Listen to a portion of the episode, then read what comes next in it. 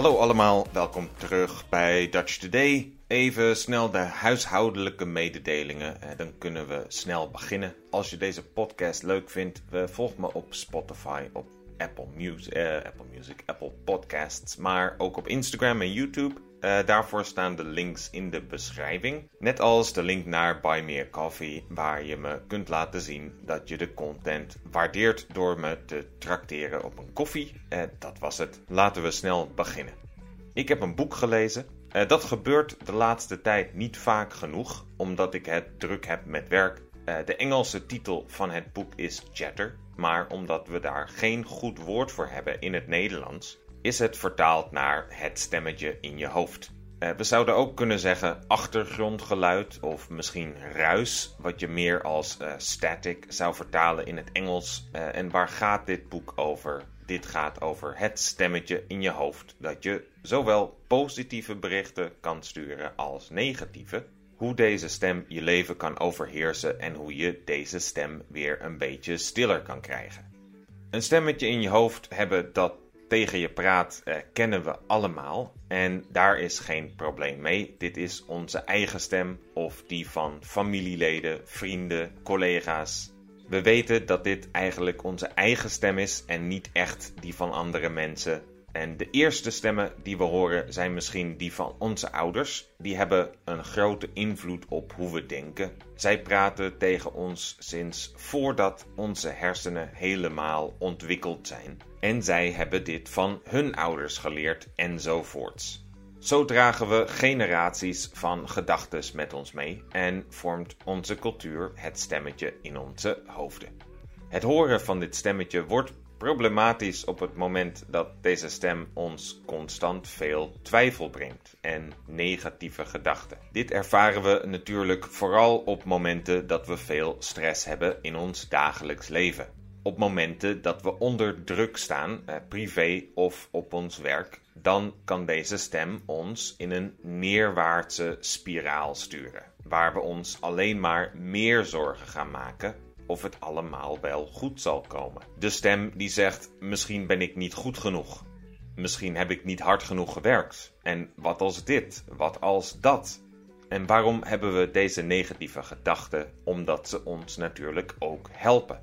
Ze helpen ons de dingen in de toekomst beter te doen dan in het verleden, door te reflecteren, analyseren en te leren. Dit is een positief aspect van het stemmetje in ons hoofd, maar op het moment dat we s'nachts niet kunnen slapen omdat we niet kunnen stoppen met denken over het verleden of de toekomst, dan doet dit stemmetje niet haar werk. Wanneer een sporter opeens heel slecht speelt omdat hij of zij gaat nadenken over wat ze doen en niet op instinct spelen, doet dit stemmetje niet haar werk. Een voorbeeld hiervan is de paradox van Solomon hij was koning van de Joden rond 1000 jaar voor Christus. Hij was een wijs man en mensen kwamen van verre om hem om advies te vragen. Het bekendste verhaal is dat van de twee moeders die allebei zeiden dat een baby van hen was. Solomon zei: Dan snijden we de baby doormidden en krijgen jullie allebei de helft. De vrouw die besloot dan maar haar kind weg te geven aan de andere vrouw was natuurlijk de moeder. De paradox is dat Solomon ondanks al zijn wijsheid, niet van het stemmetje in zijn hoofd kon ontsnappen. Zijn privéleven was een rommeltje. Hij was amoureus en impulsief en trouwde met veel verschillende vrouwen van net zoveel religies en liet tempels en schrijnen voor hen allemaal bouwen om hen tevreden te houden. Totdat hij van zijn eigen God vervreemde en zijn koninkrijk uit elkaar viel in chaos. Zelfs voor de meest wijze mensen is het dus lastig de ruis te ontsnappen. In veel spirituele stromingen praten mensen over leven in het hier en nu.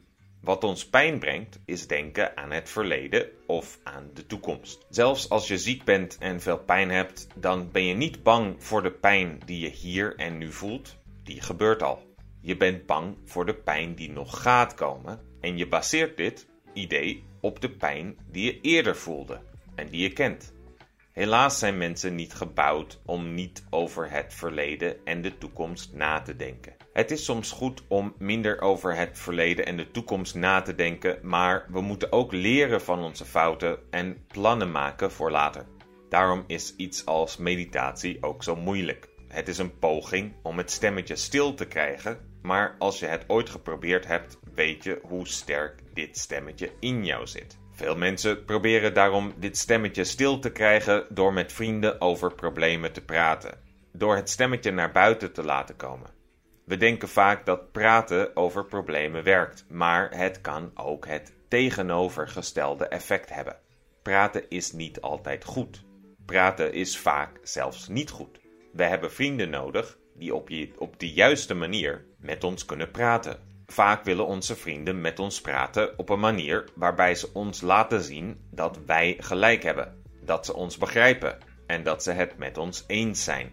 We denken dat dit fijn is, maar zoals met veel dingen die we fijn vinden, zoals die reep chocola die ik gisteren in drie minuten heb opgegeten, is het niet altijd wat we nodig hebben.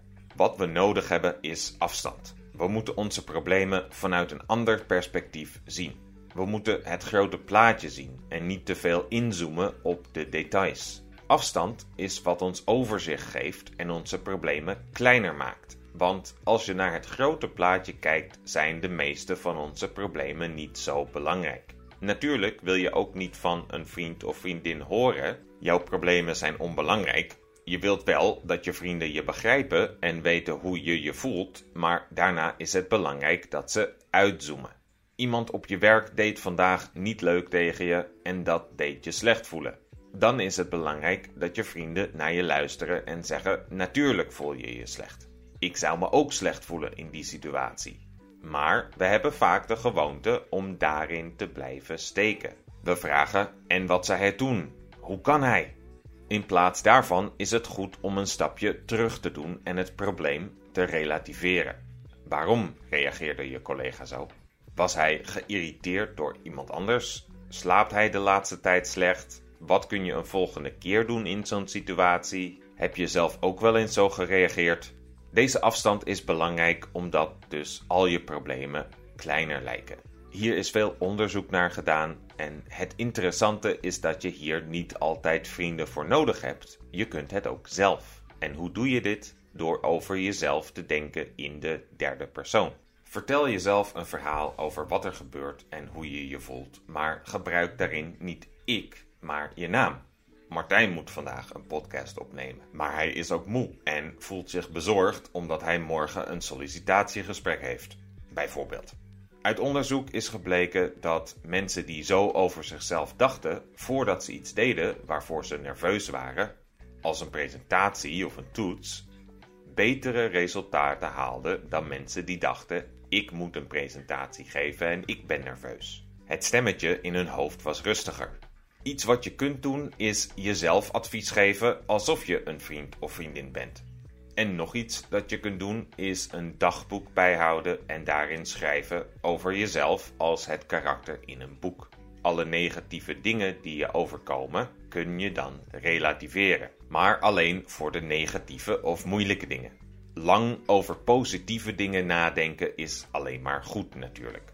Voor veel mensen is religie ook een manier van afstand nemen. Wanneer je gelooft in iets groters dan jijzelf, dan zijn jouw problemen ook minder belangrijk. Daar is ook veel onderzoek naar gedaan. De gelukkigste mensen zijn religieuze mensen omdat ze voor zichzelf antwoorden hebben over wat ze doen in het leven en niet alleen vragen. En als ze vragen hebben, kunnen ze naar een religieuze autoriteit toegaan die ze antwoorden kan geven. Gelukkig voor mensen die geen religie hebben, is er een manier om dit effect zelf een beetje te creëren. Het eerste heb ik net genoemd: uh, iets groters dan jijzelf. Wanneer we iets tegenkomen waarvan we enorm onder de indruk zijn, maakt dat ons heel klein voelen. In de podcast over het universum heb ik het daar even over gehad. Dat wanneer mijn problemen te groot lijken, ik naar een documentaire over het universum kijk, zodat ik en al mijn problemen even minuscuul lijken. Dit gevoel kun je ook bij andere dingen ervaren die jou overweldigen. Dat kan de Grand Canyon of de Andes zijn, maar dat kan ook een kunstwerk zijn.